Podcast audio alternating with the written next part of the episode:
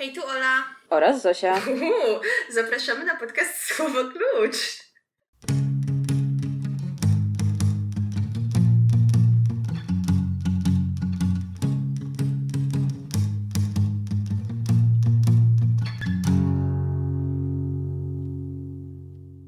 W dzisiejszym odcinku porozmawiamy o Ani z Zielonego Wzgórza. Zanim jednak przejdziemy do Ani z Zielonego Wzgórza, po podzielę się z Wami innowacją, którą wprowadził Anchor, czyli portal, na który, e, jakby, który umożliwia nam publikowanie podcastu na wszelkich platformach.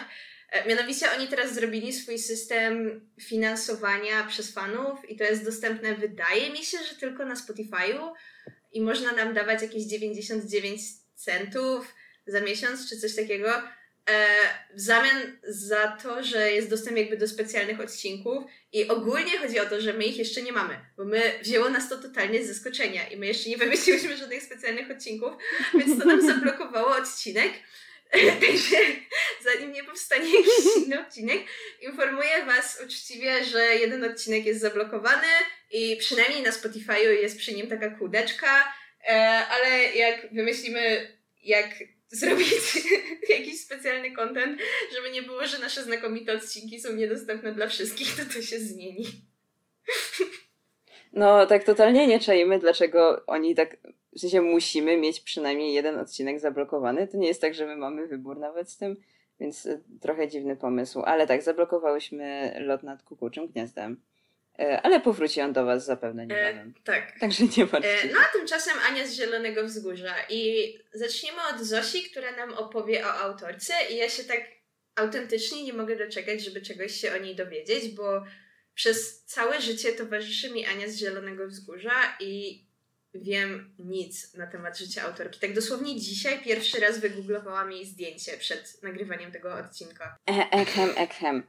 Ja z kolei postanowiłam podzielić się dzisiaj e, najpierw zrobi, zrobić biografię w nieco inny sposób niż zazwyczaj, ponieważ postanowiłam podzielić się, e, po prostu przeczytać taki krótki opis jej biografii, który znajdował się w wydaniu Ani z Zielonego Wzgórza, które, e, które mam po, po swoim tacie, które czytałam w dzieciństwie. Super. Więc to jest to, tak, więc podzielę, bo to jest wydanie naszej księgarni z e, 76 roku i pani Grażyna Kościuch przygotowała dla nas taki oto opis Lucy Maud Montgomery, który był jedynym źródłem mojej informacji moim o niej e, przez całe dzieciństwo.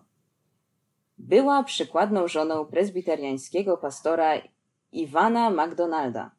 Prowadzenie domu, wychowywanie dwóch synów, obowiązki prezeski i członkini licznych kółek dobroczynnych nie przysporzyły jej przyszłym biografom zbyt ciekawego materiału. Zresztą z wielką niechęcią myślała o tym, że ktoś mógłby interesować się jej życiem i opisywać je. Przyszła na świat 30 listopada 1874 roku w Clifton, na wyspie księcia Edwarda w Kanadzie. Bardzo wcześnie straciła rodziców i wychowywała się u dziadków w Cavendish, małym nadmorskim miasteczku. Ze stronami rodzinnymi była uczuciowo związana przez całe życie. Uwieczniła je zresztą, tak jak i swoich dziadków, którzy byli prototypami postaci Mateusza i Marylii w cyklu powieściowym o Ani. Już jako mała dziewczynka próbowała pisać. Po studiach na uniwersytecie przez czas jakiś parała się dziennikarstwem. Szybko jednak to porzuciła, by zająć się osamotnioną babką, z którą czuła się bardzo związana. Utrzymywała się z pracy nauczycielskiej, nie zapominając o pisarstwie. Pisała wiersze, drobne utwory prozatorskie, obsyłając nimi czasopisma, nie zawsze ze skutkiem. W latach 1905-1906 napisała swoją pierwszą powieść, której wydawcy w Kanadzie nie zaakceptowali. Kiedy w 1908 roku Ania z Zielonego Wzgórza została wydana w Bostonie w Stanach Zjednoczonych, e, Lucy Maud Montgomery nie przypuszczała zapewne, że rok ten okaże się ważną datą nie tylko w jej życiu, ale i w życiu wielu pokoleń dziewcząt na całym świecie. Powieść stała się natychmiast bestsellerem, zdobyła niesłychane powodzenie, które wyrażało się milionowymi nakładami, licznymi tłumaczeniami, adaptacjami scenicznymi i filmowymi. Sędziwy już wtedy Mark Twain nazwał rudowłosą bohaterkę najukochańszym dzieckiem literackim od czasów Alicji z Krainy Czarów. Po ukazaniu się Ani z Zielonego Wzgórza czytelnicy domagali się następnych tomów i tak powstały kolejne książki o losach Ani dziecka, potem podlotka, wreszcie dorosłej już kobiety. I choć autorka po każdym następnym tomie zarzekała się, że nie napisze już nic więcej, że ma już Ani dość, to w końcu cykl zamknął się okrągłą liczbą dziesięciu tomów. Zmarła 24 kwietnia 1942 roku w Toronto, w roku, w którym po raz pierwszy wydano jej książki w Kanadzie. Spośród 23 powieści napisanych przez Lucy Maud Montgomery, jedynie książki o Ani chętnie są czytane i dziś. Polsce pierwsze tłumaczenie Ani z Zielonego Wzgórza ukazało się już w, dwu, e, w, 1900 w 2003 roku. E, Ukazało się już e, w 1912 roku, oczywiście. Potem kolejno wydano Anię z Avonlea, Anię na Uniwersytecie, Anię z Szumiących Topoli, Wymarzony Dom Ani, Dolinę Tęczy i Rille ze Złotego Brzegu. W czym tkwi tajemnica powodzenia tych książek? Są pewne cechy bohaterów, które skutecznie opierają się działaniu czasu, które nie są ściśle związane z epoką. Otwartość na sprawy innych, wrażliwość na urodę świata, fantazja. Postać Ani, jej marzenia, radości i smutki były bliskie młodzieży u progu XX wieku, ale są także bliskie młodzieży współczesnej, która może w nich znaleźć swoje własne tęsknoty. I jeśli nawet realia z życia Ani są komuś obce, to i tak z przyjemnością zanurzy się w pogodnej atmosferze zielonych wzgórz. Okej, i em, jest kilka problemów z tym opisem, ponieważ informacje, które znalazłam dziś w internecie, trochę się Ja na przykład zgadzają. jestem w stanie zauważyć jedną informację też, którą sprostowanie pochodzi z informacji, które nabyłam dziś. To znaczy jest jakiś tom, jest jakaś książka, która była wydana w jakimś 2009 roku, więc no oczywiście w tym twoim wydaniu z 70 któregoś tego nie ma. To było em, Ania z Wyspy czy coś takiego, że to było jakby Ze Złotego Brzegu? Mm, nie wiem, że tego jeszcze nie było, kiedy my byłyśmy małe i to czytałyśmy, w sensie po polsku tego jeszcze nie było. To było jakieś wydane tak parę lat temu, bo jej tego wydawcy nie chcieli wydać. Ania z Wyspy Księcia Edwarda. Okej, Tak, no więc tak. w, jakimś 2000, w jakimś 2009 wydano najwyraźniej Anię z Wyspy Księcia Edwarda i to są jakieś takie luźne opowiadania e, oparte na wierszach, które pisała Ania i jedno z jej dzieci. Więc też byłam zaszokowana, kiedy dzisiaj się tego dowiedziałam. Ja pamiętam, że kupiłam tę książkę, ale ona była jakaś taka właśnie już nie. No, była już zupełnie po prostu inna od Mhm. tego głównego trzonu cyklu Ani, więc jakoś tak odsunęłam ją od siebie wtedy. To ja o niej tak ale wiem o co ci chodzi. No to, to rzeczywiście. No, jakby pewnie z dobrego powodu, że po prostu to jest już takie, no wiesz, taki coś w stylu 13 tomu opowiastek o Mikołajku, no nie? E, wydawanych teraz. Ale dobra, e, okej. Nieścisłości w tym opisie. W jaki sposób Grażyna Kościuch wprowadzała czytelników w błąd? Zatrzymajmy się na tym. A więc po pierwsze, dziwi mnie określenie, że, że właśnie, że to prowadzenie domu i wychowywanie dwóch synów nie przysporzyły jej przyszłym biografom zbyt ciekawego materiału. Bo dosłownie wchodzi się na, jakby na pierwsze podstawowe źródło. Wchodzi się na Wikipedię i, i od razu jest po prostu milion jakichś burzliwych historii z życia Lucy Maud Montgomery. Ponieważ, co się okazuje, że owszem, Lucy Maud Montgomery była przykładną żoną prezbiteriańskiego pastora e, Iwana, by the way, nie, nie Iwana, ale może, może jakby pisownia się zmieniła od tamtej pory czy coś. No w każdym razie to był jakiś Iwan. Ale zanim to nastąpiło, w ona już miała tak pod czterdziestkę, kiedy za niego wyszła, czy tam nawet była po czterdziestce, no już była dorosłą kobietą, a do tamtej pory miała, jakby flirtowała, miała, jakby, odrzucała wiele oświadczyn od różnych chłopców. Była totalną femme fatale, łamaszką serc. I, e, i, miała, i miała też romans z pewnym młodzieńcem o nazwisku Lord, czy jakoś tak Lirt, chyba Lirt to się będzie czytało, z którym flirtowała i jakby miała taki praktycznie romans, będąc zaręczona z innym facetem i potem on umarł na, na jakąś febrę, czy cokolwiek parę, parę lat później i ona do końca życia myślała, że nawiedza ją jego duch. Jakby ona była, jakby miała intensywne życie, e, życie miłosne, więc, więc jakby okej, Grażyna Kościół, jeśli to cię nie interesuje, to nie wiem, co cię może interesować. Poza tym, a, jakby nie, znala- nie mogłam znaleźć informacji o tym, że ona się zarzekała, że nie napisze już Mhm. więcej nic o Ani. To, to też jakby nie wiem skąd się tutaj wzięła taka informacja.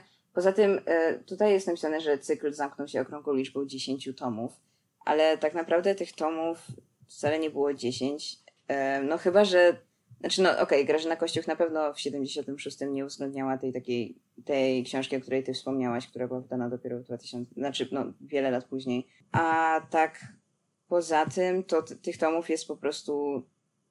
A nie, przepraszam, no właśnie, sorry, mi się pomyliło. Jakby tych tomów jest dziewięć, nawet z tą najnowszą książką wydaną w 2009. Więc tak, tak naprawdę tych tomów jest osiem. Więc nie wiem skąd jej się No wziął ten dziesiąty. To trochę dziwne. Chyba, że ona wie coś, czego nie wiemy. Na przykład ma w swoim ogródku wehikuł czasu, y, którym przeniosła się do roku 2050 i tam istnieje już 10 tomów Ani i ona potem jakby zapomniała, że to jest wiedza z przyszłości i napisała to w 70 latach, a potem, kiedy to już poszła do druku, to tak głupio było pisać erratę z wyjaśnieniem, y, tutaj powinno być 8, a nie okrągłe 10. Więc już tak zostało. Może, może. Może. No ale podsumujmy e, dla, dla słuchaczy. Czyli osiem tomów, nie liczymy tej takiej, tej ostatniej z tych opowiastek. E, czyli jest Ania z Zielonego Wzgórza, Ania z Avonlea, Ania na Uniwersytecie, Ania z Szymujących Topoli, Wymarzony Dom Ani, Ania ze Złotego Brzegu, która by the way była napisana później, jakby później niż Rilla ze Złotego Brzegu, w 39 dopiero. Dolina Tęczy, Rilla ze Złotego Brzegu. E, Ania z Zielonego Wzgórza jest z 1908, Rilla ze Złotego Brzegu jest z 1921, a potem po długiej, długiej przerwie Lucy Maud Montgomery powraca do cyklu o Ani i pisze Anię ze Złotego Brzegu, która tak jakby uzupełnia te takie luki z życia Ani, których wcześniej nie znaliśmy, a ona je opisuje i w 1939 wydaje ten tom, który jest określany jako szósty, mimo że był napisany dużo później. Co dla mnie też było nowością, bo ja myślałam, że ona pisała je tak po Mhm. kolei, ale to wyjaśnia, dlaczego w moim posiadaniu znajduje się, znajdują się wszystkie tomy od pierwszego do Really e, z tej właśnie serii naszej księgarni z lat 70., oprócz Ani ze Złotego Brzegu. Ja myślałam, że przez całe dzieciństwo myślałam, że po prostu nie wiem, moja babcia nigdy nie kupiła tego tomu mojemu tacie czy coś i, i on za, albo on zaginął, a tak naprawdę po prostu no pewnie nie był w tej serii, bo, bo był jakby wydany później czy coś i, i dlatego go jakoś później tłumaczyli albo go nie uwzględnili, no nie wiem. W każdym razie e, to jest seria o Ani. E, jeśli chodzi o samą Lucy, bo tutaj, no tak, biografia, zapomniałam się nieco, e, ale jeśli chodzi o Lucy Maud Montgomery, to to było bardzo smutne czytanie o jej życiu, bo nie miałam pojęcia, że było ono tak e, trudne i tak przykre.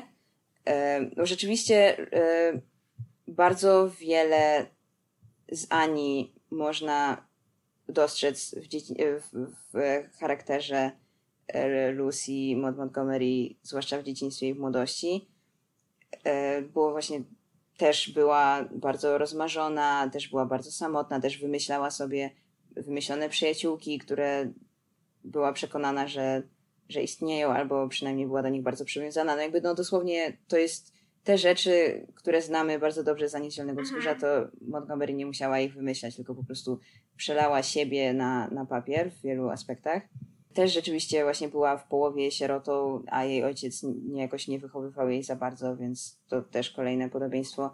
I też bardzo kochała naturę i, i przeżywała, doznawała wręcz takich momentów spirytualnego, czy w ogóle mówi się tak po polsku, nie wiem, ale takiego właśnie wręcz, no, takiego Mhm. duchowego uniesienia po prostu, kiedy e, szczęścia, kiedy miała kontakt z tą przyrodą i w okolicach, które kochała. E, więc to wszystko widzimy w Ani. Natomiast jest to strasznie przykre, jak się później potoczyło jej życie, bo jej małżeństwo, kiedy w końcu po, po tych flirtach i po tym, po zaręczynach, które zerwała i po tym romansie, który się zakończył nieszczęśliwie, kiedy wyszła z tego McDonalda, to nie uczyniła tego zupełnie z miłości, absolutnie, tylko po prostu e, czuła, że jej przyszłość, w sensie, no, że ma trochę ograniczone Mhm. em, perspektywy na przyszłość i zrobiła to po prostu z rozsądku. E, I bardzo szybko zmęczyło, w sensie dosłownie tak ona tak nie lubiła tego Ojej. człowieka i on brzmiał okropnie. Sensie on był, em, no był duchownym i, i, i, i jakby wierzył, że był metodystą, jakby wierzył, że ale jakby wierzył w coś takiego, nie wiem, nie znam się na metodystach, ale on wierzył w coś takiego, że Bóg z góry jakby mm, możesz, kiedy się rodzisz, to tak z góry jesteś naznaczony, Mhm. że albo pójdziesz do nieba, albo nie. I jeżeli nie jesteś naznaczony, że pójdziesz do nieba, no to tak, no to sorry, to jakby nic nie Mhm. możesz z tym zrobić. I on w to wierzył i potem jakby doszedł do wniosku po latach, że on nie jest naznaczony, żeby pójść do nieba i, i jakby całe życie zmagał się z takimi właśnie stanami depresyjnymi. Ona, ona się musiała nim opiekować. E, potem on jej mówił, że, że lepiej by było, gdyby ona i ich dzieci nigdy się nie urodziły, bo, one, bo oni też nie są naznaczeni, żeby pójść do nieba, więc to wszystko jest bez sensu. E, ona go nienawidziła, jakby urodziła mu trójkę synów. Jeden z nich, się jednego z nich e, poroniła, e, czyli tak naprawdę urodziła mu, jakby wychowała mu mhm. dwójkę synów, e, którzy też jakby szli, do, jakby to, że ona umarła w 42, ona bardzo silnie przeżywała pierwszą wojnę światową i była właśnie zaangażowana w jakieś tam, wiesz, pomaganie z, nie na froncie, jako tylko właśnie z domu. A, z domu, okej. Okay. Nie, nie, nie jako sanitariuszka, tylko właśnie, wiesz, organizowanie jakichś akcji hmm. dobroczynnych, charytatywnych, jakieś zbiórki, jakieś takie tego typu rzeczy.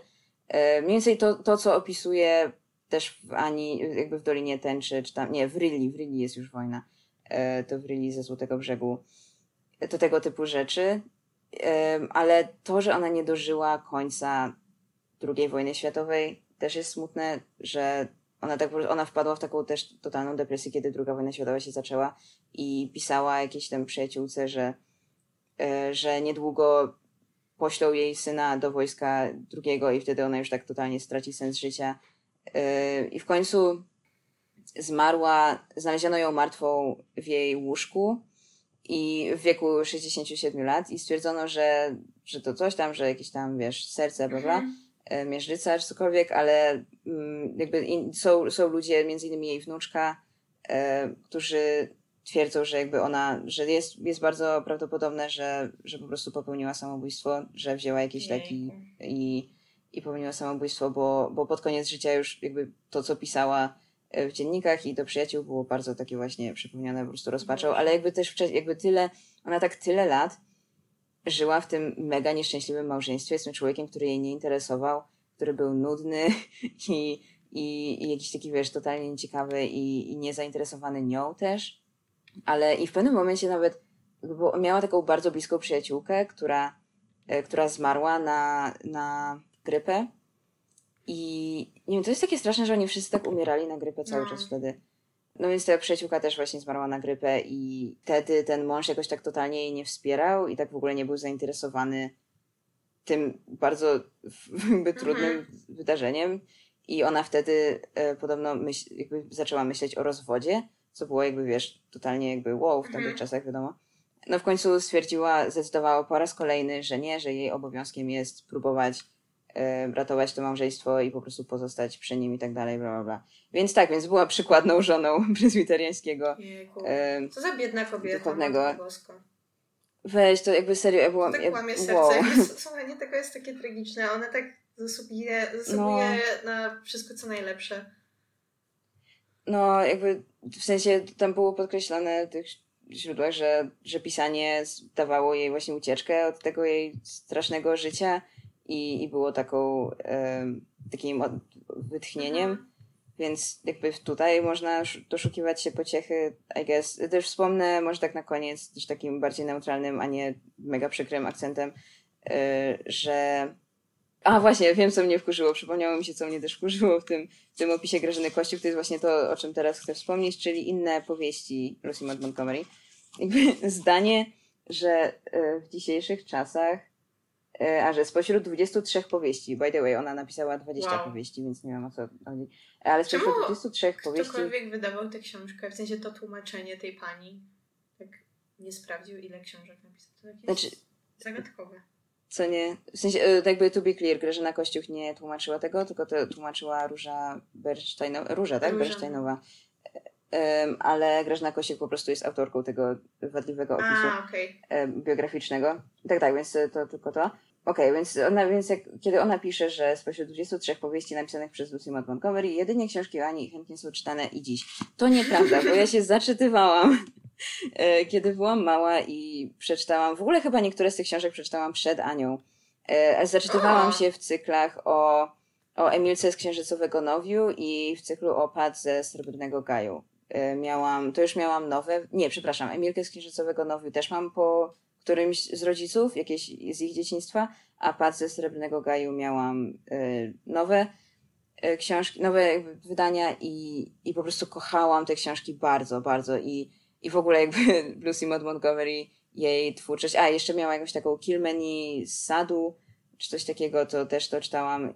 Miała też parę innych powieści, ale z nich, nich już, nie, ich już e, nie, nie znam. Twórczość Lucy Maud Montgomery była, no była po prostu ważną częścią mojego dzieciństwa. Tak jak spodziewałam się, że wiele osób nas słuchających teraz Mhm. y, też, też, też się zgodzi, no nie, że, że Ania, ale byłabym ciekawa, czy, czy nasi słuchacze również znali i kochali Emilkę z Księżycowego Nowiu i Pat ze Srebrnego Gaju i jeśli tak, dajcie nam znać w jakiejś ankiecie, którą stworzymy czy coś, bo, bo jestem ciekawa, bo te książki też były serio takie mega dobre. Ja o nich nigdy w życiu nie słyszałam. Kurczę, to może Grażyna Kościuk. To serio ci polecam, Mhm. bo myślę, że nawet teraz, kiedy jesteś dorosła i dojrzała, to, kobietą. to byłyby slajowe. Kiedy jesteś dojrzałą kobietą, to już nie, już nie podlotkiem. E, ale myślę, że mogłyby być fajne. Zwłaszcza Pat, bo Mhm. Pat jest taka bardziej, taka bardziej jakby dark, w sensie jest taka mniej dziecięca, tylko już bardziej taka, wiesz, tam jest, tam są cierpienia również, ale w takiej dobrej dawce. Anyway, dobra, no to ja się tutaj nagadałam. E, To tyle, jeśli chodzi o życie Lucy. A Olu, opowiedz nam co nieco o Ani z Zielonego Wzgórza, a może ze szczytu.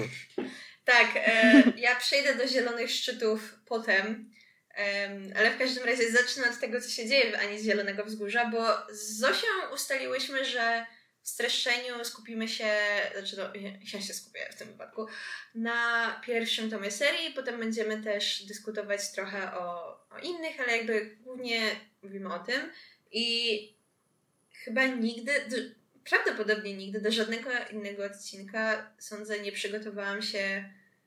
e, Znaczy, jeszcze raz. Wydaje mi się, że do żadnego odcinka wcześniej nie miałam tak mało notatek jak do tego teraz. To znaczy, to streszczenie, to ja mam tak parę punktów, bo mam wrażenie, że znam tę książkę tak perfekcyjnie, że po prostu tak zaczynałam coś pisać i y, po co mam robić zdanie, skoro ja dokładnie wiem, co to się dzieje. Więc jeśli będą jakieś przekłamania, to wina mojej pamięci. No więc tak, ale zacznę ogólnie od w sumie przeczytania, a nie wydobywania słów z mojej głowy. Więc przeczytam początek książki. Pani Małgorzata Linde mieszkała tuż przy głównym trakcie wiodącym przez Avonlea, tam gdzie łagodnie opadał on w dół ku małej kotlinie. Droga biegła wśród olszynowych zarośli i polnych dzwonków. Przecinał ją strumyk, którego źródło biło gdzieś daleko w lasach otaczających stare domostwo Cadbertów. Przez leśne ostępy strumień płynął za kolami, niezwykle wartko, po drodze rozlewał się, tworząc mroczne stawy i malownicze kaskady. Z chwilą jednak, gdy dopływał do kotliny, w której mieszkała pani Linde, zmieniał się w cichy i spokojny potoczek, płynący układnie w kierunku jej domu.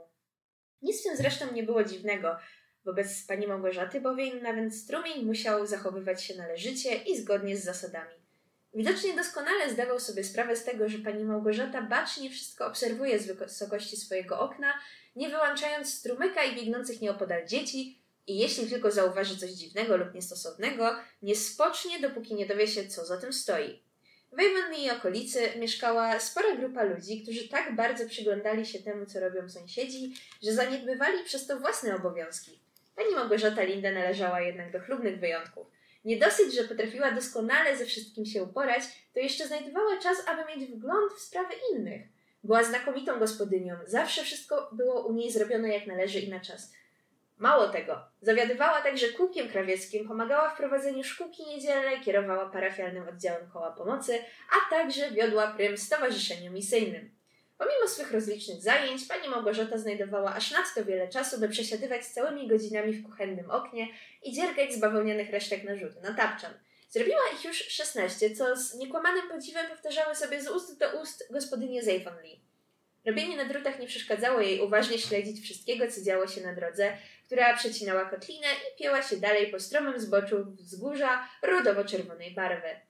Ponieważ Avonlea leżało na małym trójkątnym półwyspie wrzynającym się w Zatokę Świętego Wawrzyńca i z obu stron otaczała je woda, każdy, kto chciał tu dotrzeć lub stąd wyjechać, musiał podążać z drogą prowadzącą na wzgórze, a tym samym dostawał się pod czujne okna pani Małgorzaty. Któregoś popołudnia, na początku czerwca, pani Małgorzata wyglądała właśnie przez okno. Ciepłe, jasne promienie słońca wpadały do wnętrza kuchni.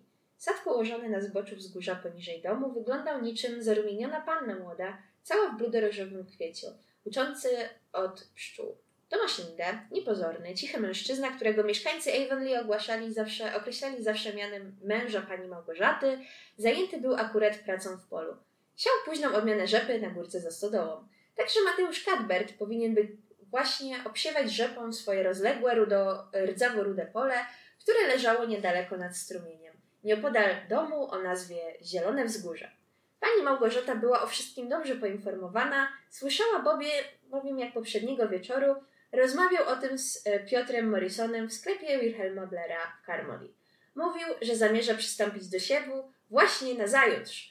Piotr oczywiście musiał wyciągnąć z niego tę informację, gdyż Mateusz Karbert słynął z tego, że nie był skorny do wynurzeń. Aż tu proszę. Mateusz Karbert we własnej osobie o wpół do czwartej po południu, gdy wszyscy pochłonięci byli pracą, jechał zwolna drogą wiodącą przez Kotlinę i dalej ku wzniesieniu. Jakby tego było mało, założył białą koszulę i swoje najlepsze ubranie. Niewątpliwie wyjeżdżał właśnie z Avonlea. W dodatku do powozu zaprzągł kasztankę, co oznaczało, że udawał się w daleką drogę. Gdzież na Boga mógł się wybierać? No i po co? No i właśnie po co? Więc chodzi o to, że Mateusz oraz jego siostra Maryla, e, stary kawaler, stara panna, mieszkający we dwójkę, nigdy nie zajmującymi się dziećmi, zdecydowali się na przygarnięcie chłopca do pomocy y, na ich farmie. Postanowili, że zaadaptują chłopca, e, ponieważ Mateusz robi się coraz starszy i coraz trudniej jest mu pracować samemu na polu. I na początku naszej powieści Mateusz, kiedy to Małgorzata zauważy go przez okno, jedzie właśnie odebrać chłopca ze stacji. Na stację przyjeżdża, a tam spotyka tylko dziewczynkę. Dziewczynka faktycznie jest w podobnym wieku, ale no jakby jest dziewczynką. To jest trudno ukryć. Dziewczynka jest bardzo rozgadana. Bardzo się cieszę, że ktoś po nią przyjechał. E, no i kto to taki jest? Jest to oczywiście Ania, nasza główna bohaterka. Ania jest drobna, bardzo chuda, blada, ma wielkie oczy, zgrabny nosek, gęste, rude włosy zaplecione w dwa warkocze. Jest ubrana no, jak to środka z przytułku, bardzo biednie. Jest ubrana w, w za krótką y, sukieneczkę z takiej buro-żółtej wełny. Y, ma taki popsuty kapelusik, jakąś taką rozwalającą się walizeczkę.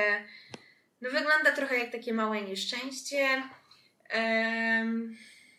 No, ale jest bardzo ucieszona, że ktoś po nią przyjechał. Jakaś rodzina chce ją przygarnąć. Jak my, jako czytelnicy, wiemy, to nie ją chcieli przygarnąć e, Mateusz z Marylą, ponieważ oni e, potrzebowali chłopca do pracy na farmie. No ale Mateusz jest bardzo nieśmiałym mężczyzną, bardzo się boi konfrontacji, bardzo się boi kobiet, a zwłaszcza małych kobiet, więc postanawia, że mimo wszystko jakby nie jest w stanie zrobić tego um, rozczarowania, sprawić tego rozczarowania dziecku, także decyduje się i tak ją przyjąć, znaczy i tak ją zabrać ze sobą do domu na Zielone Wzgórza, um, gdzie dopiero jego siostra powie dziecku, że zaszła pomyłka. W czasie ich podróży do domu, e, na farmę w Avonlea, dowiadujemy się trochę więcej o dziewczynce. Opowiada ona dużo o sobie Mateuszowi, ponieważ jak się okazuje, jest ona straszną gadułą, buzia jej się nie zamyka, jest, ma bardzo dużą wyobraźnię, więc też ciągle um, po prostu patrzy z zachwytem na krajobrazy, które się przed nią otwierają, E, wymyśla nazwy dla miejsc, przez które przejeżdżają. E, no i opowiada trochę tak o sobie. Więc dowiadujemy się, że Ania ma 11 lat, że przychodzi, no odebrano ją z domu dziecka, w którym była 3 miesiące.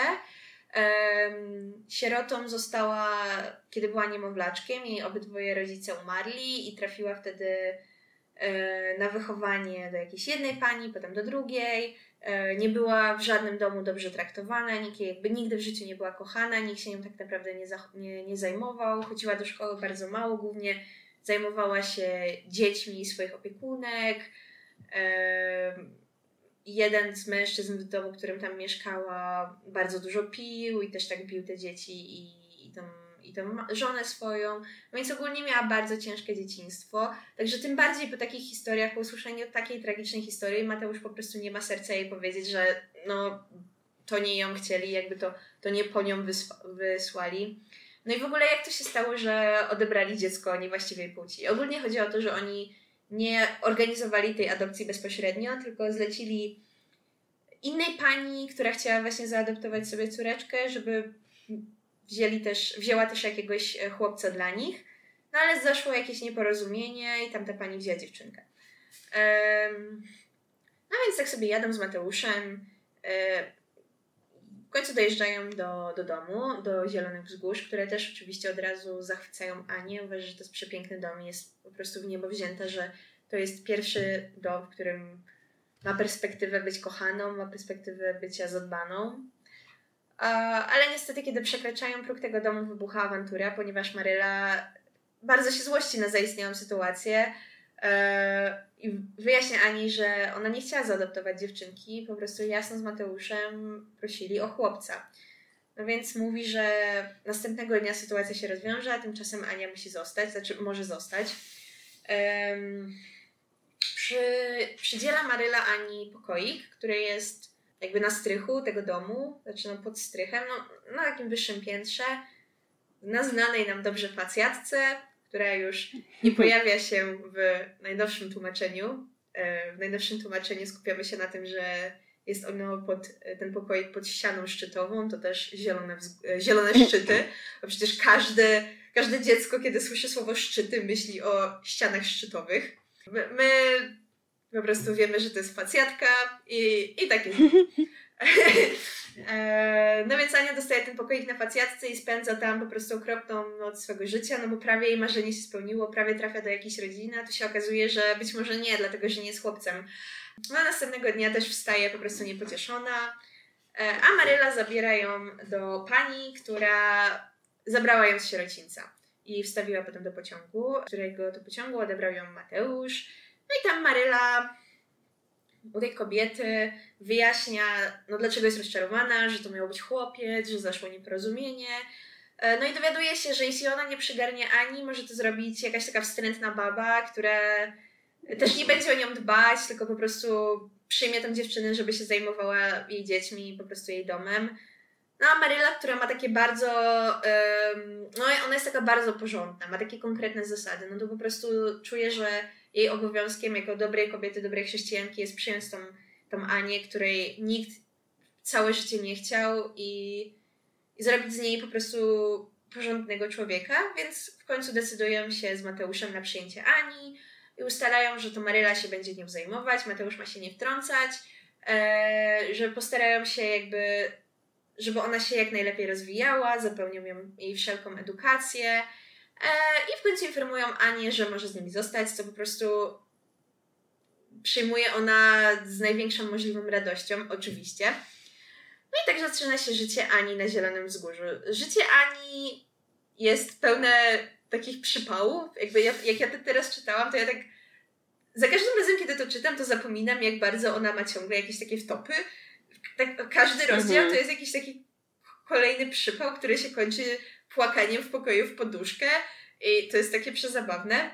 No ale to co, to, co też zauważyłam dopiero kiedy byłam jakaś taka trochę starsza, kiedy czytałam Anię, kiedy już miałam trochę więcej niż 7 lat, to jest to, że Maryla ją tak bardzo kocha, bo Maryla jest bardzo surowa w tym wychowaniu jej i to jest to, co ja pamiętam tak z dzieciństwa, że ona po prostu wyznacza takie konkretne zasady, ale musiałam trochę podrosnąć, żeby zrozumieć, że ona jest bardzo wyrozumiała tak naprawdę że Maryla bardzo sobie zdaje sprawę z tego, że Ania robi jakieś różne głupoty, ale to też dlatego, że tak dosłownie nikt przez całe życie nie pokierował jej w żadną stronę, że e, ona po prostu nigdy nie była wychowana, więc skąd ona może wiedzieć, jak postępować w niektórych sytuacjach.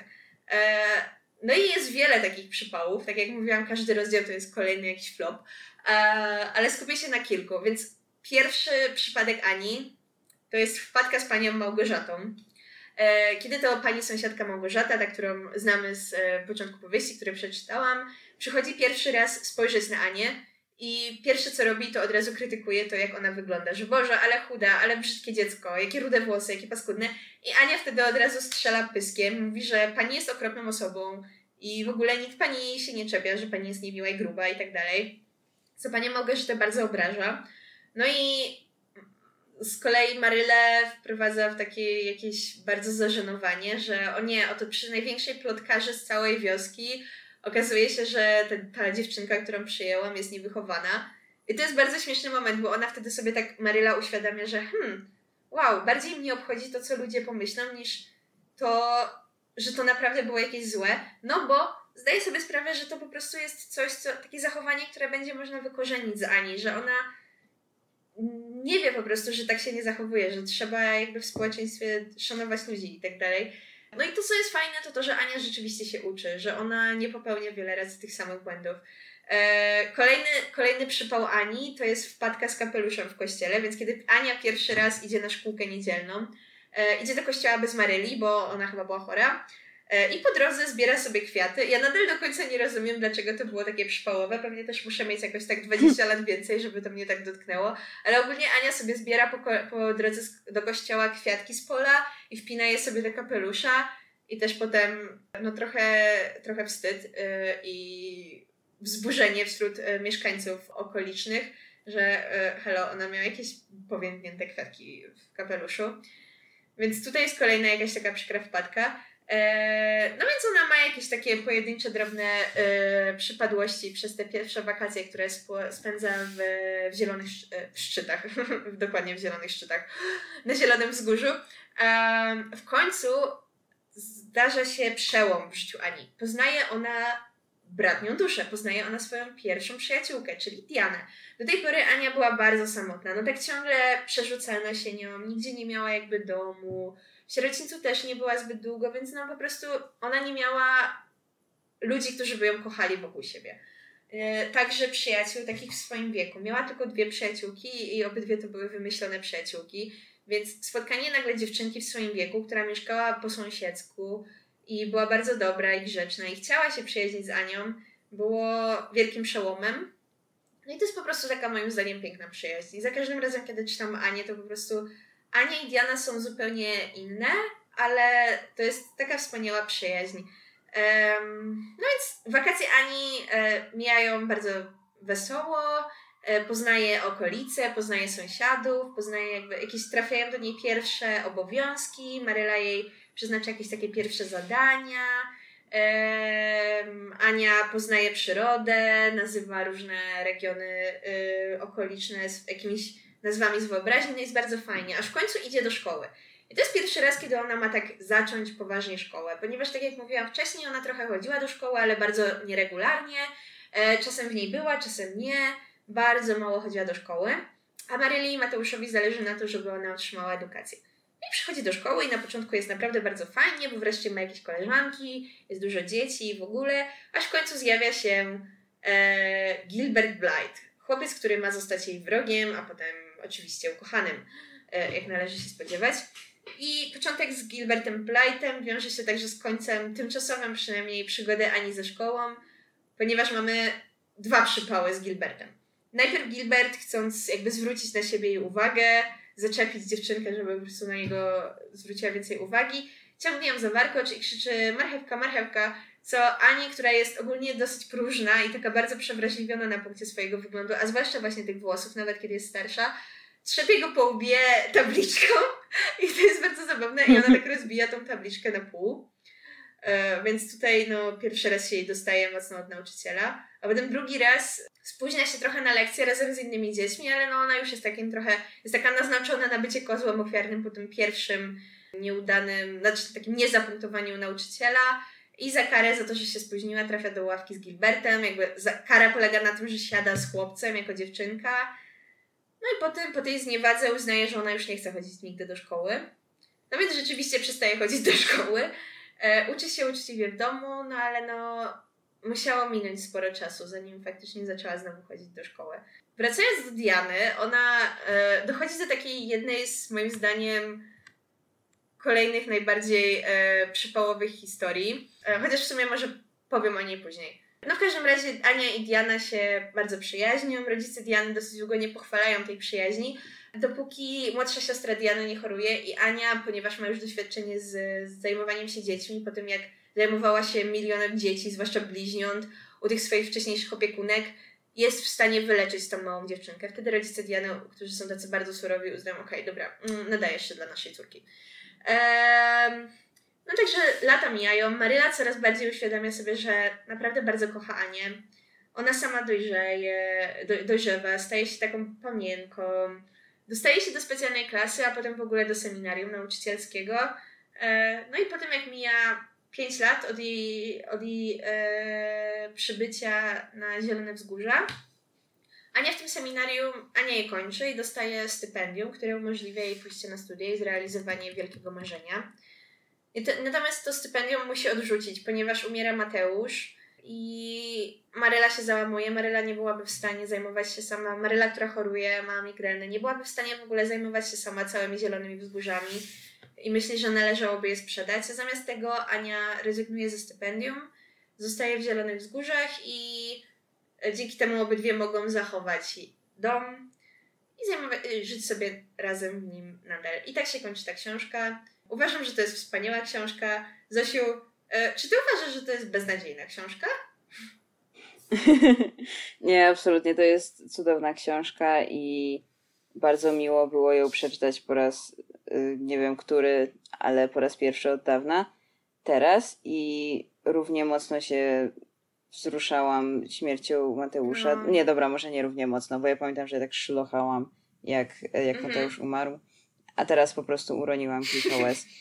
E, więc moje serce jest już zatwardziałe, ale jest uważam, że jest to książka bardzo. To jakby jest w niej po prostu taki urok, tak? No, nie, nie wiem, tak nie chcę się też rozwodzić nad tym, jaka ona jest wspaniała, bo tak czuję, że, że to jest trochę oczywiste, że tak tyle się mówi o tym, jaka to jest legendarna i, i powszechnie uwielbiana e, seria i, i postać, że no tak, wszyscy po prostu to, my to wszyscy czujemy, myślę. I, i, e, I fajnie było do tego wrócić. Jeśli ktoś od 10 lat nie czytał Ani, to, to polecam wrócić do właśnie do, tych, do tego tłumaczenia, z którym się wychowali, z którym się wychowaliśmy.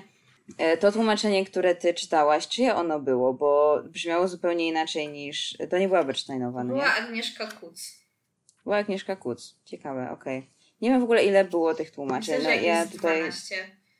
Jakieś, o wow, to Ale na, mega a, dużo. A, a to jest ciekawe, że wszyscy znamy. mam tej róży Bernsteinowej. Okej. Okay. No, to ja właśnie też. No ciekawe, że, że wszyscy dorastaliśmy e, z trochę różnymi Aniami w takim razie i skoro tych tłumaczeń było aż tak dużo, no też zależy, które wydania były, wiadomo w jakim nakładzie, jak popularne, bla, bla, bla. E, wracając do samej książki, bardzo szybko Ania dorasta w tej książce, no.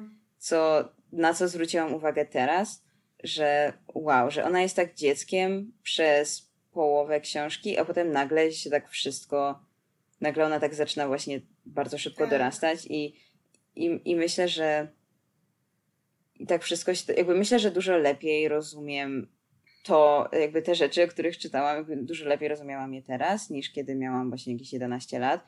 Dużo lepiej rozumiem rzeczy w stylu smutek z powodu zakończenia jakiegoś etapu swojego życia, albo y, że różne jakieś przyjaźnie się właśnie zmieniają, jakby, że jakieś relacje międzyludzkie i tak dalej. To jakoś tak inaczej trochę odbierałam może niektóre postacie, znaczy zwłaszcza postać pani Lindę bo o ile w dzieciństwie byłam, jakby nie miałam problemu z polubieniem pani Lindę po jej e, pierwszej wpadce, kiedy była niemiła dla Ani, to już potem miałam takie, okej, okay, pani Linda jest fajna. O tyle teraz jakoś tak, nie wiem, odczuwam po prostu tak głęboką niechęć do, do osób jej pokroju, że, że jakby, że ja wiem, że ona ma wiele zalet i że jest ultimately pozytywną postacią, która również kocha Anię, bla, bla, bla, ale po prostu tak co za, co za babsztyl, jakby ja tak po prostu nie, tak czytając mnie tak irytowała, jakby, bo już spotkałam więcej osób w jej, właśnie jej pokroju i, i, i już znam siebie, wiem, że po prostu są absolutnie nieznośne w prawdziwym życiu takie właśnie wtrącające się do wszystkiego, uważające, że wszystko wiedzą najlepiej, yy, obrażające się, kiedy ktoś ich nie zapyta o radę, bo coś jakby, a, lewe, omega, wiesz, stojące na straży morału. Ja to z nią miałam coś e, takiego, że u mnie, to, to co mnie denerwuje w ludziach strasznie, to kiedy oni są po prostu wredni i mówią, że y, oni po prostu są szczerzy, no nie?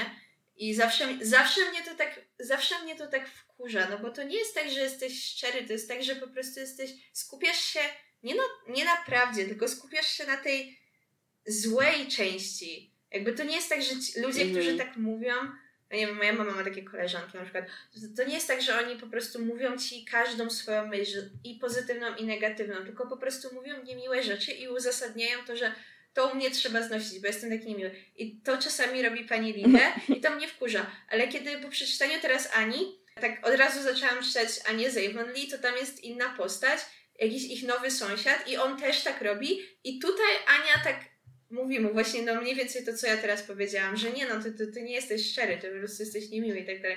Więc w innych postaciach to było, było możliwe zaznaczyć to, co mnie mm. zawsze denerwuje w pani Lindę. o, no nie, to jest tak, jakby pani Lindę ble. Um, I też to, to jak bardzo religijne są te książki. Ja pamiętam, że ja zwracałam na to uwagę właśnie wtedy, kiedy miałam tę fazę na, na Lucy Maud Montgomery, bo to jest obecne we wszystkich jej książkach, wiadomo, nie tylko w tym cyklu o Ani. I pamiętam, że czułam, jakby, bo ja nigdy nie chodziłam do kościoła i nigdy nie wierzyłam w Boga. I pamiętam, że, że miałam fazę na te książki i potem tak zaczęłam myśleć właśnie, wiesz, bo tam wszyscy, yy, wszyscy ateiści to są jakieś takie podejrzane, złe osobniki, no nie? Jacyś tacy dziwni ludzie. I i jest obecna jest właśnie to, jak, jak ważne jest y, modlenie się i chodzenie do kościoła, jak ważne jest szanowanie Jezusa, jakieś takie, wiesz, y, całe to, cały ten klimat. Nie pamiętam, że, ja, że, że zauważyłam to już nawet wtedy, będąc właśnie w jakiejś tam czwartej klasie podstawówki. No a co dopiero teraz? Więc na to po prostu trzeba tak, tak przymknąć oko. Znaczy w moim przypadku, w sensie to nie sprawia, że kocham tę książkę mniej, ale po prostu jest to taki aspekt, który mam takie, no okej, okay. w sensie jest taki trochę, no nie wiem, jak, jak Maryla jakoś tak mówi o Ani, że Boże, dziecko jest prawie poganką, jakby muszę szybko, żeby ona, żeby ona była normalną osobą, to tak muszę szybko kazać jej wykuć jakąś modlitwę na pamięć, bo inaczej y, nic dobrego z niej nie wyrośnie. Jest po prostu takie trochę smutne. No ale jakby okej. Okay. E, natomiast nie, jakby Ania wciąż hit, wciąż zachwyca. Olu, jak twoje wrażenia po powrocie do Ani? Zanim powiem o pozytywnych rzeczach, przemknijmy, przemknijmy tę pigułkę e, przykrą i skupmy się na N z zielonych szczytów. Bowiem Uuu. tak, ja e, zrobiłam ten kontrowersyjny krok i na potrzeby tego odcinka przeczytałam N z zielonych szczytów i jestem jeszcze bardziej zirytowana tą książką niż zanim ją przeczytałam. Ja nie wiem, jakby na tych, na tych moich studiach tłumaczeniowych ja tak przez cały ten rok ciągle od moich wykładowczyń słyszałam, że to tak zmienia nasze rozumienie Ani, że ta książka jest zupełnie inna i w ogóle to nieprawda, może po prostu nie pamiętacie jak brzmi Ania, bo N z Zielonych Szczytów jest dokładnie taka sama jak wszystkie inne książki, w sensie wszystkie inne tłumaczenia Ani. To jest to jest największy, jakby najlepsza, moim zdaniem, najlepiej poprowadzona kampania marketingowa na świecie. To, co zrobiły te marginesy. Tak, o, naprawdę jest milion tłumaczeń Ani, ale oni zrobili coś takiego, że naprawdę ludzie chcą, którzy mają już swoją Anię, znowu kupić Anię. E, no mm. i właśnie ja to też przeczytałam, żeby to zdebankować, no i jakby słusznie, bo to jest, jakby to jest dokładnie to samo, co wcześniej. Jakby nawet tam są rzeczy, które wprowadziła ta Róża Bernsteinowa, jakieś takie wyrażenia, w sensie słówka, których nie ma po angielsku, ale które się po prostu już tak przyjęły, więc naprawdę te marginesy mają czelność mówić nam, że to jest najwierniejsze tłumaczenie Ani. To jest dokładnie to samo. To jest wszystko to samo. Tam jest dokładnie wstęp tłumaczki, w którym ona mówi, że oh, zabiłam Anię i w ogóle, ale nie mogę oszukiwać ludzi. Dzieci nie, nie są głupie, nie możemy im wmawiać, że Kanadyjki mają na imię Ania albo Małgorzata. Jakie to ma znaczenie? Dosłownie jakie to ma znaczenie? Te imiona po polsku przynajmniej sprawiają, że te postacie wydają się żywsze i, i, i że ja je zapamiętuję. Tak jak mówiłam Zosi, miałam obsesję na punkcie wielu różnych jakichś tych anglosaskich książek. Pamiętam imiona tylko z Ani z Zielonego Wzgórza. Prawdopodobnie dlatego, że brzmiały po prostu tak jak imiona moich koleżanek i kolegów. A nawet jeśli, jakie to ma znaczenie? Naprawdę nie traktujmy dzieci jak idiotów, które nie są sobie w stanie wyobrazić, że istnieją inne kraje, których jak będą starsze, to się dowiedzą, że ktoś ma na imię Rachel, a nie Małgorzata. Ale nie sprawiajmy, że ja czytam to i w głowie czytam jako Rachel, a nie Rachel. to się żartuje, ale naprawdę tam są takie, wiecie, to wychodzi z założenia, że niby dzieci nie są głupie, a potem nagle nie mamy facjatki, bo przecież dzieci są głupie i nie będą sobie w stanie wyobrazić, co to jest to, co dokładnie opisujemy, kiedy usłyszą słowo facjatka. A czy to jest źle, że tłumaczenie powstało praktycznie wtedy, kiedy książka i mamy takie wyrażenia jak zmywanie statków czy coś takiego?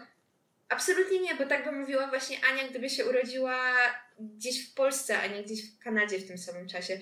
Nie wiem, no to jest takie głupie, to jest dokładnie to samo, to jest ta sama historia, tam są te same zabiegi, tam są dodane te same rzeczy.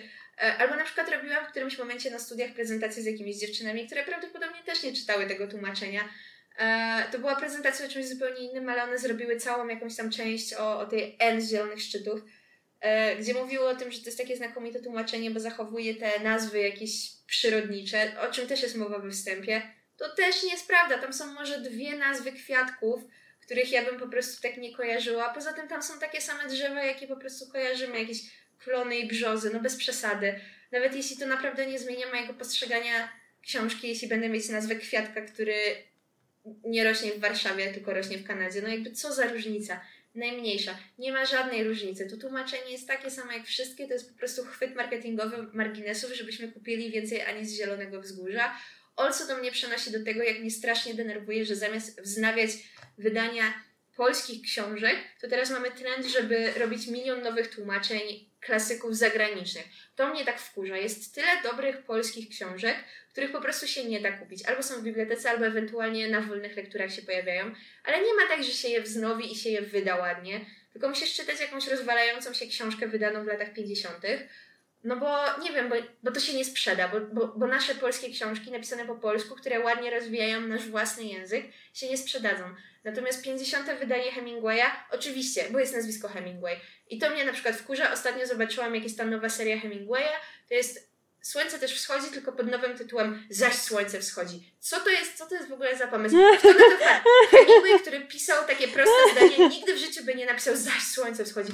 Ja pierdzielę, nie mogę, przepraszam, ale to mnie tak denerwuje strasznie. I N z Zielonych Szczytów idealnie się wpisuje w ten po prostu nurt wydawania klasyki z nowymi tłumaczeniami, tylko po to, żeby bliżej, bliżej, tłuma- bliżej oryginału, zupełnie inne spojrzenie, tylko po to, żeby po prostu więcej zarobić na jakimś produkcji, które oczywiście i tak będzie kupione. W sensie i tak zawsze ktoś kupi, a nie z Zielonego Wzgórza. Po prostu nagle ktoś kupi wersję tłumaczenia przygotowaną przez marginesy, a nie wydawnictwo literackie. To jest po prostu marketing i tyle. I te wszystkie jakieś internetowe informacje, że to jest zupełnie nowe spojrzenie na Anię, nie dajcie się temu zwieść, bo to jest taka sama Ania jak każda inna. To jest to tłumaczenie, które ja czytałam jest z 2005 roku, to moje wydanie, ja je dostałam, kiedy byłam mała ono jest takie samo. Ono jest takie samo.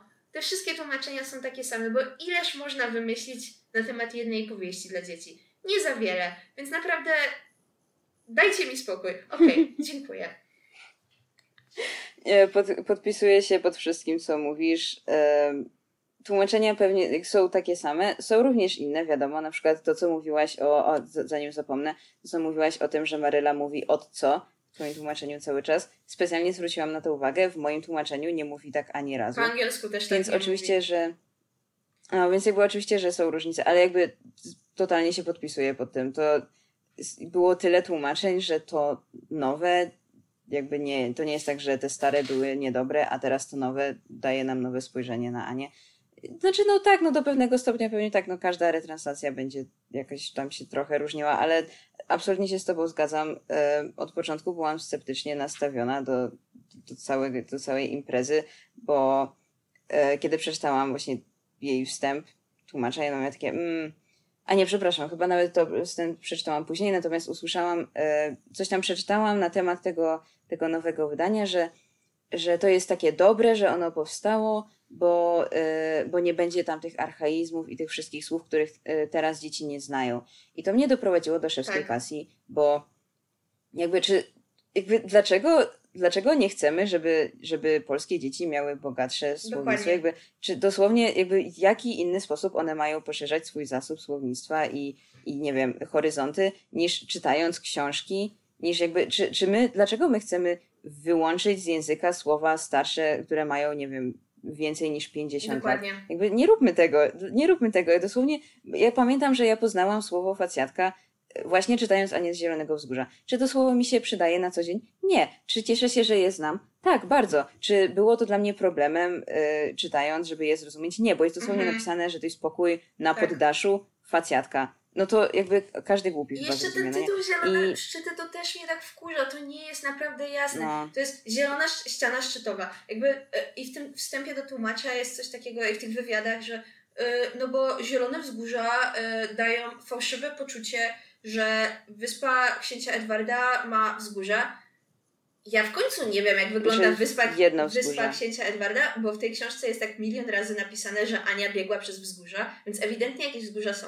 Ale nawet jeśli, czy naprawdę szczyty mniej mi się będą kojarzyć mm, z górami, Z górami? niż wzgórza? Nie, naprawdę kiedy słyszę słowo szczyty, mam przed oczami góry, a nie ścianę szczytową. Ja w ogóle kiedy słyszysz, kiedy słyszę szczyty, to mam wrażenie, że ona mieszka w jakichś Tatrach czy coś. W sensie, Tak, że, że, że to jest jakiś górski tak, krajobraz. szczyty No? PTTK. To dosłownie. Zapraszamy do schroniska. Boże! Jakby dosłownie i, i strasznie, strasznie, strasznie mnie e, frustrowało właśnie ta, jakby próbowanie, ta e, próba próba o, prze, zaprezentowania zubażania słownictwa Mhm. y, obecnych dzieci pozytywnie i miałem takie jakby nie, jakby dlaczego my to robimy? Potem otworzyłam, bo moja ciocia zakupiła oczywiście też y, nowe wydanie i otworzyłam je na losowej stronie i Ania tam robiła jakąś robótkę patchworkową i ja miałam takie okej, dobra. jakby, Tak, to jest bardzo niekonsekwentne. jakby no okej. Nie wiem, w sensie tak, nie, ja po prostu nie mogę, nie mogę przestać o tym myśleć, że jakby to, jakby ja tyle, tyle słów poznałam, czytają, których jakby już nie używamy teraz, ale tyle fajnych polskich słów poznałam po prostu czytając w dzieciństwie książki po moich rodzicach, które, oni czytali w dzieciństwie i to było takie fajne, jakby nie pozbawiajmy tego dzieci, jakby nie, nie usuwajmy tych starszych słów, one, one gdzieś muszą przetrwać. Ja pamiętam, że jak mi było właśnie smutno, że że czytałam, oj, z- znajdowałam jakieś nowe słowo, dla mnie nowe i miałam takie, ojej, jakby nikt już tak nie mówi. To, to jest takie smutne, że już tak Mhm. nie ma na to słowa. I jakby wiem, że to jest naturalny proces świata, tak, że, że tak po prostu działa język, że słowa odchodzą, że przedmioty odchodzą i słowa je określające również odchodzą w zapomnienie. Ale no, czy to nie jest fajne po, tak, mieć po nich jakiś ślad? Więc to, to mi to byłam bardzo jakby negatywnie nastawiona do tego tłumaczenia. Y, y, jak się nazywa ta pani w ogóle, która to przetłumaczy? Anna Bieńkowska? E, Albo Bienkowska, czekaj, zaraz sprawdzę, żebyśmy nie szkalowały i. No, żebyśmy tak nie, Bańkowska. tutaj nie robił. Anna A Bańkowska. czekaj, czy na pewno? Okej. Anna Bańkowska, tłumaczka. Tak, Bańkowska. Bańkowska, okej. No to sorry Anna Bańkowska, ale em, wciąż nie przeczytałam tego tłumaczenia. Przeczytałam tylko ten jej wstęp e, tłumaczki, w którym się tłumaczy. Haha. E, no i nie przekonał mnie on. W sensie, no, ale jakby spoko. Gratuluję marginesy. Wydacie teraz No, mnóstwo tomów, Ani i zarobicie kupę szmalu. Jakby, no, tak. okej. Ja nie mam uwag. E, Nie jestem, nie jestem wrogiem wydawnictwa Marginesy, więc jakby spoko, ale po prostu samo, mm, nie, jestem, jestem bardzo negatywnie nastawiony. do Ja nie mam problemów z tą panią tłumaczką. Ja mam problem właśnie z y, marketingiem marginesów. W sensie, Mm. właśnie, no i też szerzej z rynkiem, bo to jest takie, no po prostu moim zdaniem to jest takie trochę nieuczciwe i wprowadzenie ludzi w błąd, że im się naprawdę wydaje, że to jest coś innego. Bo im się dosłownie w reklamach mówi, że to jest, wreszcie zrozumiecie, o czym naprawdę chodzi w tej książce. Ona jest taka sama, ona jest dokładnie taka sama. Um, a co do jakby tych nowych wydań starych książek, mój problem jest jeszcze inny. Mój problem jest taki, że one są mniej dokładnie sprawdzane. To znaczy, tak jak kiedyś było parę etapów korekty i redakcji i tak dalej, no to, to teraz jakby tnie się koszty, więc tego jest dużo mniej. Także one są bardziej niechlujnie pisane.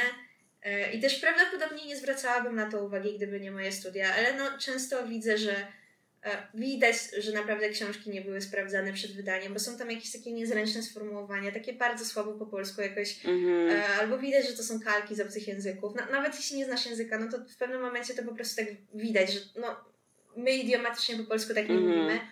Um, a czytanie starych tłumaczeń, podobno jak, podobnie jak starych polskich książek, no, jednak rozwija się pod tym względem, że one lepiej brzmią po polsku. Tutaj bardziej ewidentnie ktoś przykładał do tego uwagę. Ale no, to tyle narzekania na N z zielonych szczytów. E, sama Ania, e, Boże, jak ja się cieszę, że to istnieje. To jest taka najwspanialsza historia na świecie. I właśnie to, co mówiłeś, ona tak szybko dorasta. Jakby, ale mnie to tak od paru lat już boli, że ona tak długo jest fajnie małym dzieckiem, a potem jest bardzo porządna, kiedy jest starsza, ale no ona się bardzo zmienia, ona bardzo dojrzewa, ona już jakby pozytywnie dojrzewa, że jest taka spokojna, że jest taka rozsądna, ale to nie jest to, to nie jest to samo. E, I zauważyłam, kiedy to czytałam, że jak byłam mała, moją ulubioną częścią cyklu była Ania na uniwersytecie. Po angielsku Ania na wyspie, tłumaczenie marginesów Ania z, i nazwa tego uniwersytetu. Ja nie, ja nie wiem, co oni robią. Jakby.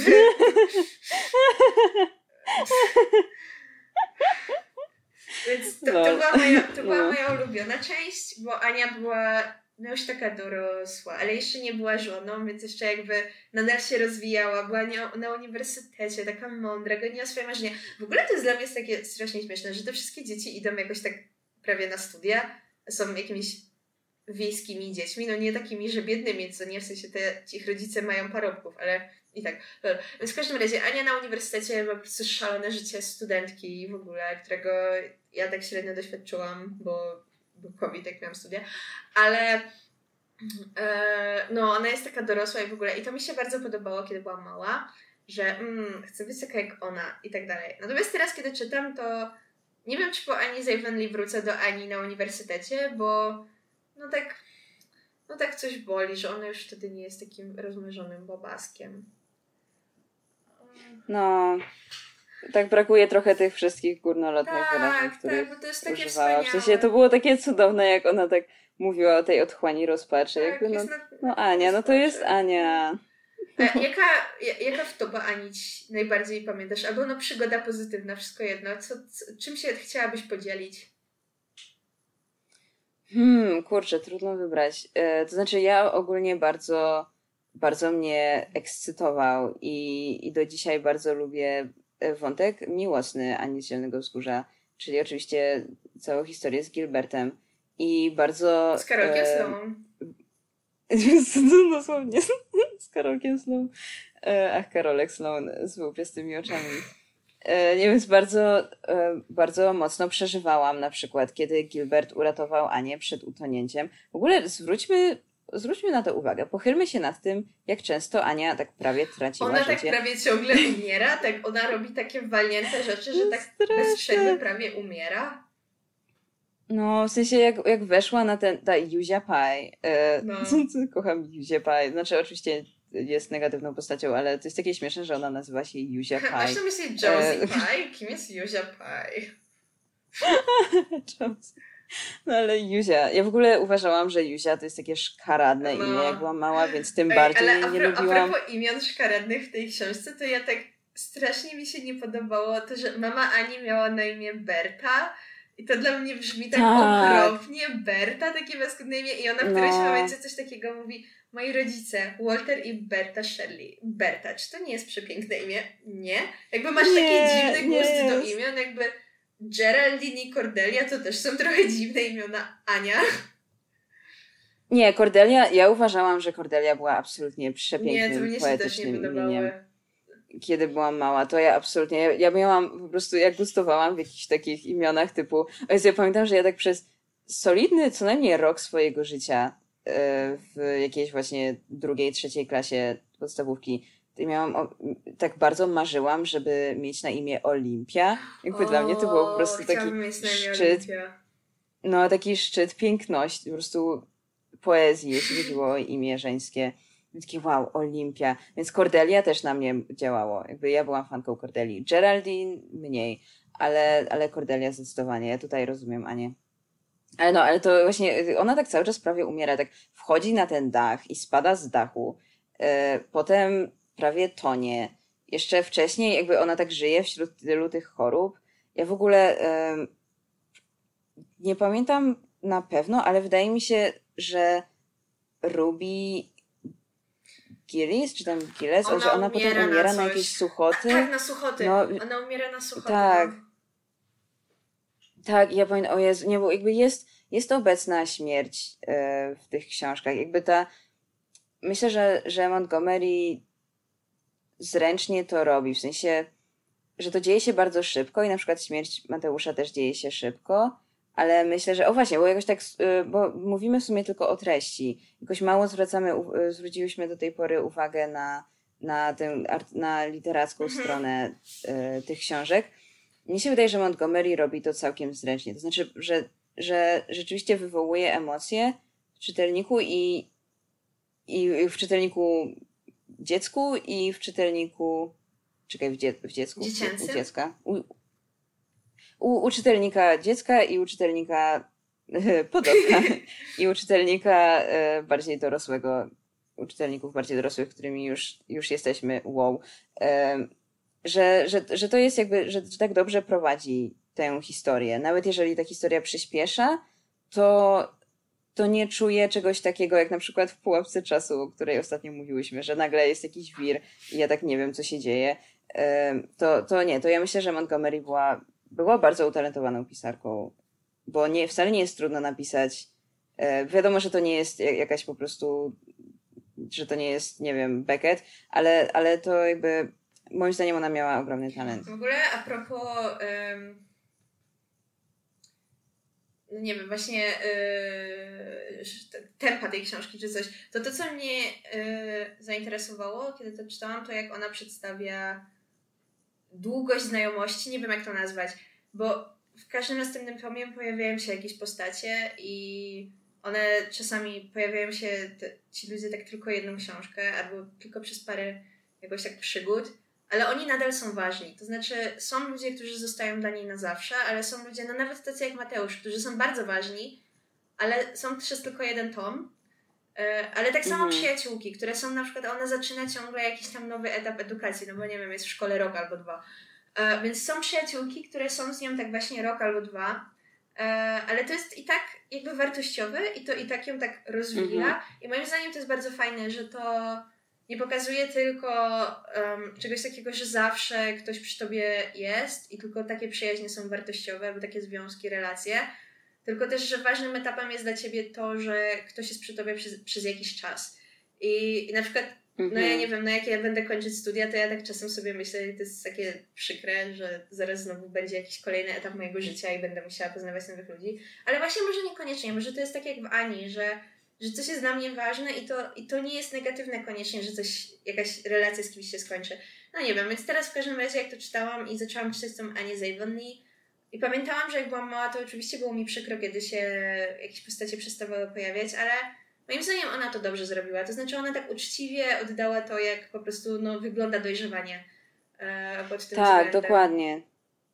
I ja się buntowałam przeciwko temu, czytając to jako dziecko, a teraz mam takie, nie, to, to po prostu tak to działa i, i, i, i taka jest prawda, to nie jest mem, to jest mm. prawda. Ale w, Co w ogóle? W ogóle jeszcze mhm. a propos przyjaciółek, to też jak, jak tak mówiłaś, to miałam jakąś taką, trochę odpłynęłam, bo miałam taką refleksję, jakie to jest wspaniałe, że kiedy byłam mała i to czytałam, no to tak o, oczywiście nie znałam Cię, a teraz tak kilkanaście lat później nagrywam sobie z Tobą podcast i rozmawiamy o czymś, co obydwie, kiedy byłyśmy jakimiś małymi dziewczynkami, tak uwielbiałyśmy e, i co miało na nas duży wpływ.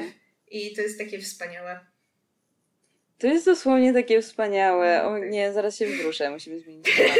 Ale, ale to jest, zgadzam się, to jest bardzo wspaniałe. O Jezu, ja w ogóle a propos przyjaciół, ja pamiętam, że ja e, zainspirowana bezpośrednio e, przyrzeczeniem, przysięgą Ani i Diany, próbowałam zrobić to samo, w, kiedy zmieniłam szkoły i byłam w innej podstawówce i tak desperacko poszukiwałam przyjaciółki i tak z pierwszą dziewczynką, która ze mną rozmawiała, to ja miałam takie, ej, złóżmy przysięgę przyjaźni.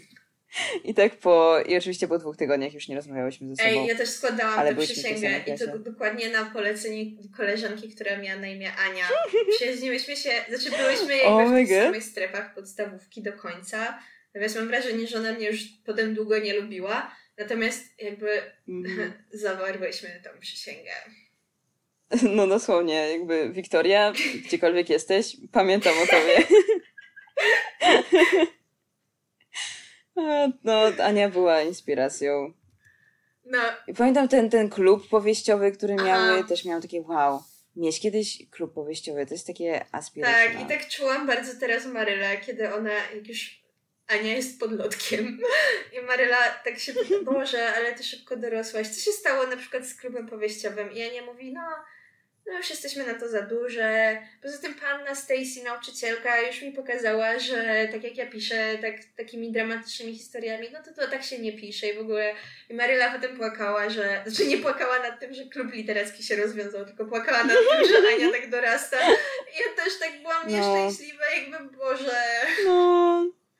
Może bo te historie ani były takie wspaniałe. Na szczęście jest ich i tak dosyć dużo w tej książce, tak. więc nie jest tak, że tylko przez moment, ale no to było takie, takie wspaniałe i ja tak kocham w ogóle relacje. No, myślę, jak, jak każdy człowiek na ziemi, który czytał Anię, że kocham relacje Mateusza i Ani. To jest tak po prostu tak najlepsza rzecz na świecie. To jak, nie wiem, jak ten Mateusz jest taki fajny. To znaczy, wiadomo, że jest trochę jakby dziwne, że on jest tak, Mateusz nie lubił kobiet no jakby spoko, ale, ale to jak bardzo on jest zachwycony Anią i, i, i, i zwraca, jakby poświęca jej tyle uwagi i tak rzeczywiście ją obserwuje po cichu i na przykład zauważa, że, że o, Ania ma brzydkie ubrania, mhm. wszystkie jej koleżanki mają ładne ubrania, jakby chce jej dać ładną sukienkę, żeby coś, mimo że tak to, i jakby zbiera się na odwagę, mimo że jest to dla niego mega trudne, to tak próbuje porozmawiać ze sprzedawczynią tak w sklepie na temat kupna tej sukienki. Jakby to, jest, to było wszystko takie naprawdę, naprawdę, naprawdę wspaniałe. Albo relacja Maryli i Mateusza. Jakby ja e, trochę tak, tro, niektóre aspekty tej ich relacji jako rodzeństwa tak, tak relatuję do nich, bo, bo też mam, bo mam starszego brata i no nie wiem, to jest takie, to jest takie prawdziwe po prostu wszystko. Bardzo, bardzo fajne, bardzo dobrze pokazane tak. relacje i myślę, że Montgomery tak dobrze znała życie tak od mhm. wczesnego e, wieku. E, no ale też to, czekaj, bo ile ona miała lat? Jak, czekaj, kiedy ona się urodziła jeszcze raz? W którym roku? 80. E, że wydała, wydała Anię w ósmym. Zaczęła ją pisać trochę wcześniej. Gdzie jest ten wstęp? Mm. Okej, okay, urodziła się w 74, czyli miała tak, miała tak właśnie około 30, kiedy pisała Anię. No to już jest taki, no to rzeczywiście e, mogła z takim dystansem spojrzeć na swoje dzieciństwo i swoją młodość, taką wczesną. I myślę, że dlatego dlatego to jest takie dobre i dlatego Ania jest taka prawdziwa, że ona z jednej strony czerpała bardzo dużo z własnej osobowości, z własnej przeszłości, ale z drugiej strony nie pisała tego, kiedy miała lat na przykład 20, tylko kiedy już właśnie z takim większym dystansem mogła spojrzeć tak. na siebie.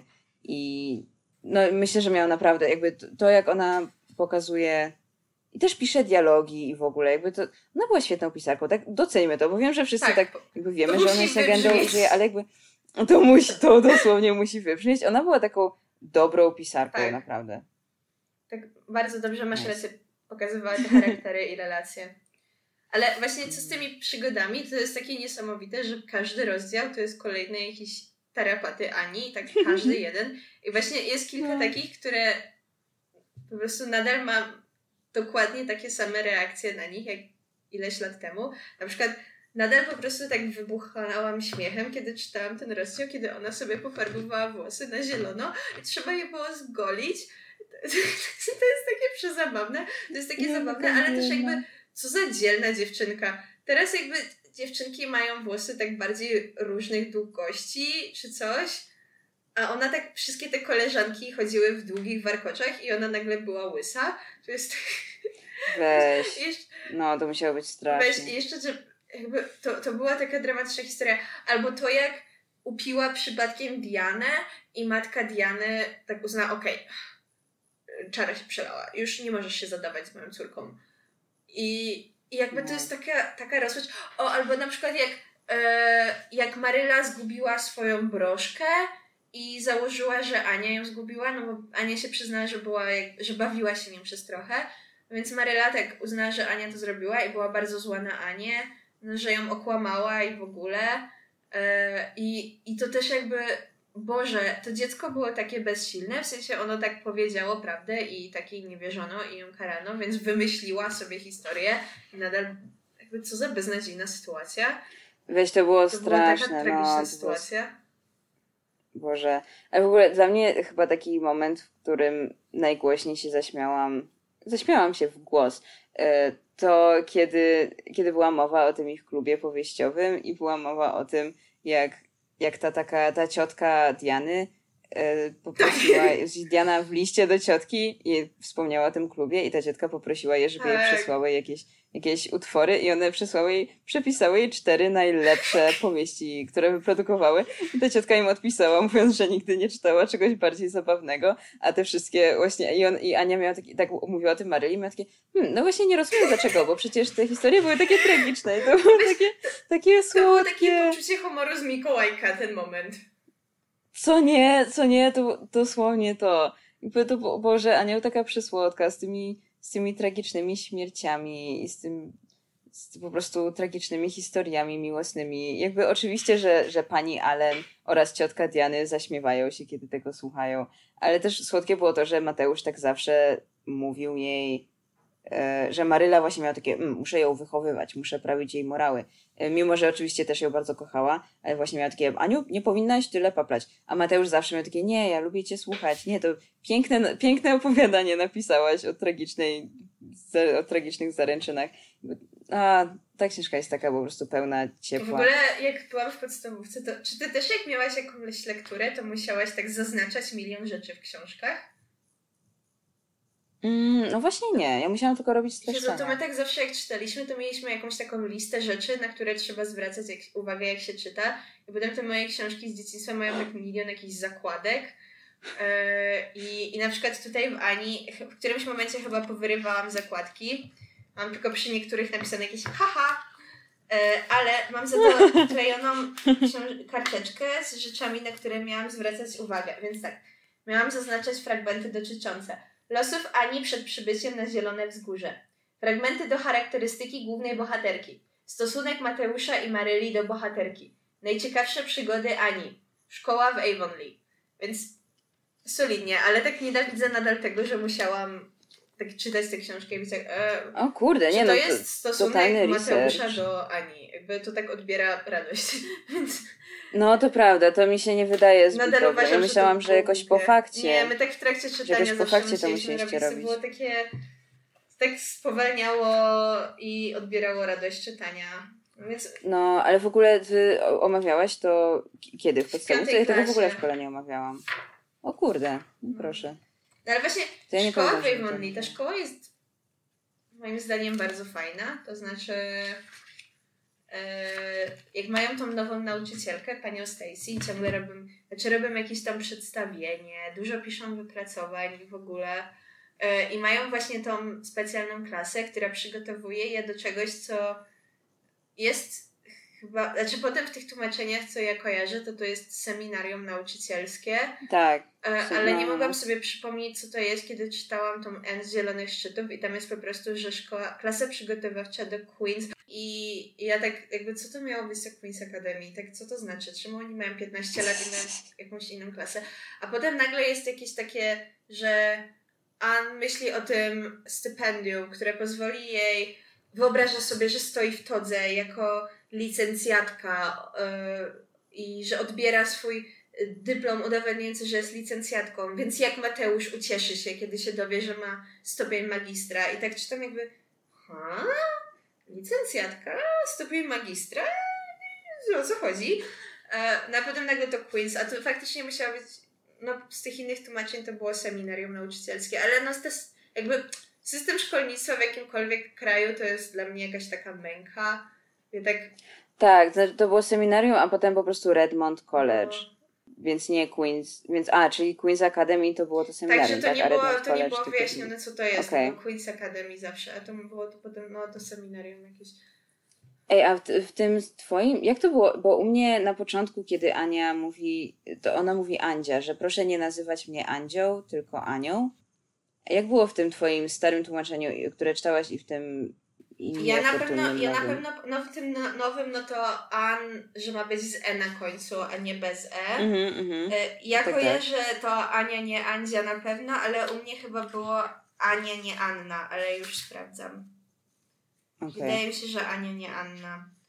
O, tutaj mam pozaznaczone fragmenty charakterystyki głównej bohaterki, jeśli jesteś ciekawa, co znalazłam. E, Czy ona to mówi do Mateusza już, czy dopiero do Maryli? E, dopiero do Maryli. Okej. Chyba. Nie, w sumie nie pamiętam, Boże, już tak dosłownie dzisiaj to czytałam. A nie, czekaj, do, do, musi być do Maryli, bo on chyba nie pamiętał, nigdy się jej nie spytał, jak ona ma na imię, lol. A, jak, no, e, no. To dziecko. to dziecko. Bo wydaje mi się, że Andzia, jakby mimo, że jest, jest tutaj odważnym posunięciem ze strony tłumaczki, ze strony pani Bernsteinowej i jakby wiadomo, że odbiega od oryginału, to myślę, że to miało totalnie sens. Pewnie tak się mówiono bo- faktycznie o małych Annach. Myślę, że to tak... Nie, nie, no jakby to, to, to wiadomo, tak? To, to absolutnie wiadomo, że kiedyś tak mówili.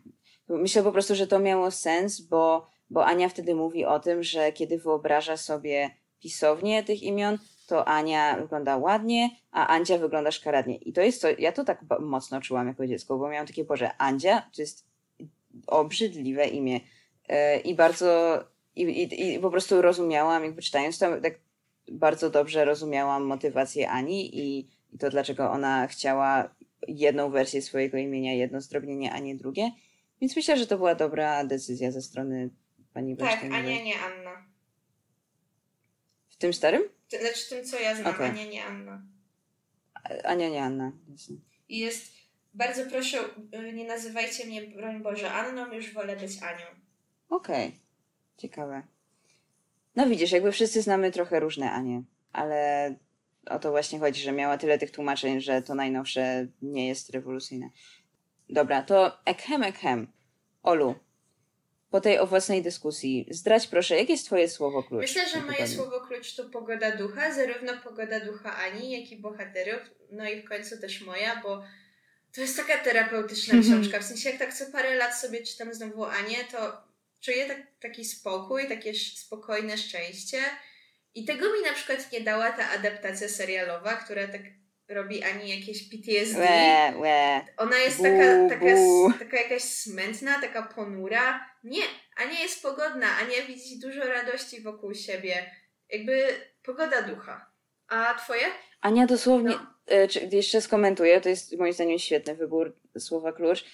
Dosłownie Ania, jakby nawet, ona jest, ona patrzy z taką nadzieją w Tak. przyszłość i z takim optymizmem, że nawet po śmierci Mateusza, kiedy, kiedy, co jest w ogóle fascynującym jakby momentem w jej życiu, który kiedyś napawał mnie lękiem jako dziecko, a teraz mam takie nie, po prostu takie jest życie. Kiedy ona wraca z tego seminarium i ma taki wow, droga przede mną jest taka szeroka, a potem Mateusz umiera i ona taki wow, droga przede mną jest taka wąska i stoję przed zakrętem, ale, ale chcę wierzyć, że za tym zakrętem jest coś dobrego i, i jakby i, i wciąż ona dostrzega piękno Tak. w świecie ją otaczającym i jakby to jest to, jest to jakby, no dosłownie, więc bardzo, bardzo e, podoba mi się twoje słowo klucz, a moje słowo klucz to e, po prostu dzieciństwo, Mhm. ponieważ to jest, no, Lucy Maud Montgomery, jedna chyba z naj, jakby z, jedna z autorek, które wywarły swoimi powieściami największy wpływ na mnie jako dziecko i po prostu tak mnóstwo czasu spędzałam czytając raz po raz Emilkę, Pat i Anię i,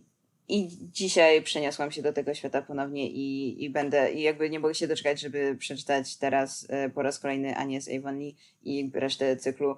E, no, wow, co za, co za szczęśliwe dzieciństwo miałam Tak, czytając te powieści. Dokładnie. Boże, jakiś świat jest piękny. Mega się cieszę, że, że omówiłyśmy Anię Tak, w ogóle, no. bo fajnie było do tego wrócić.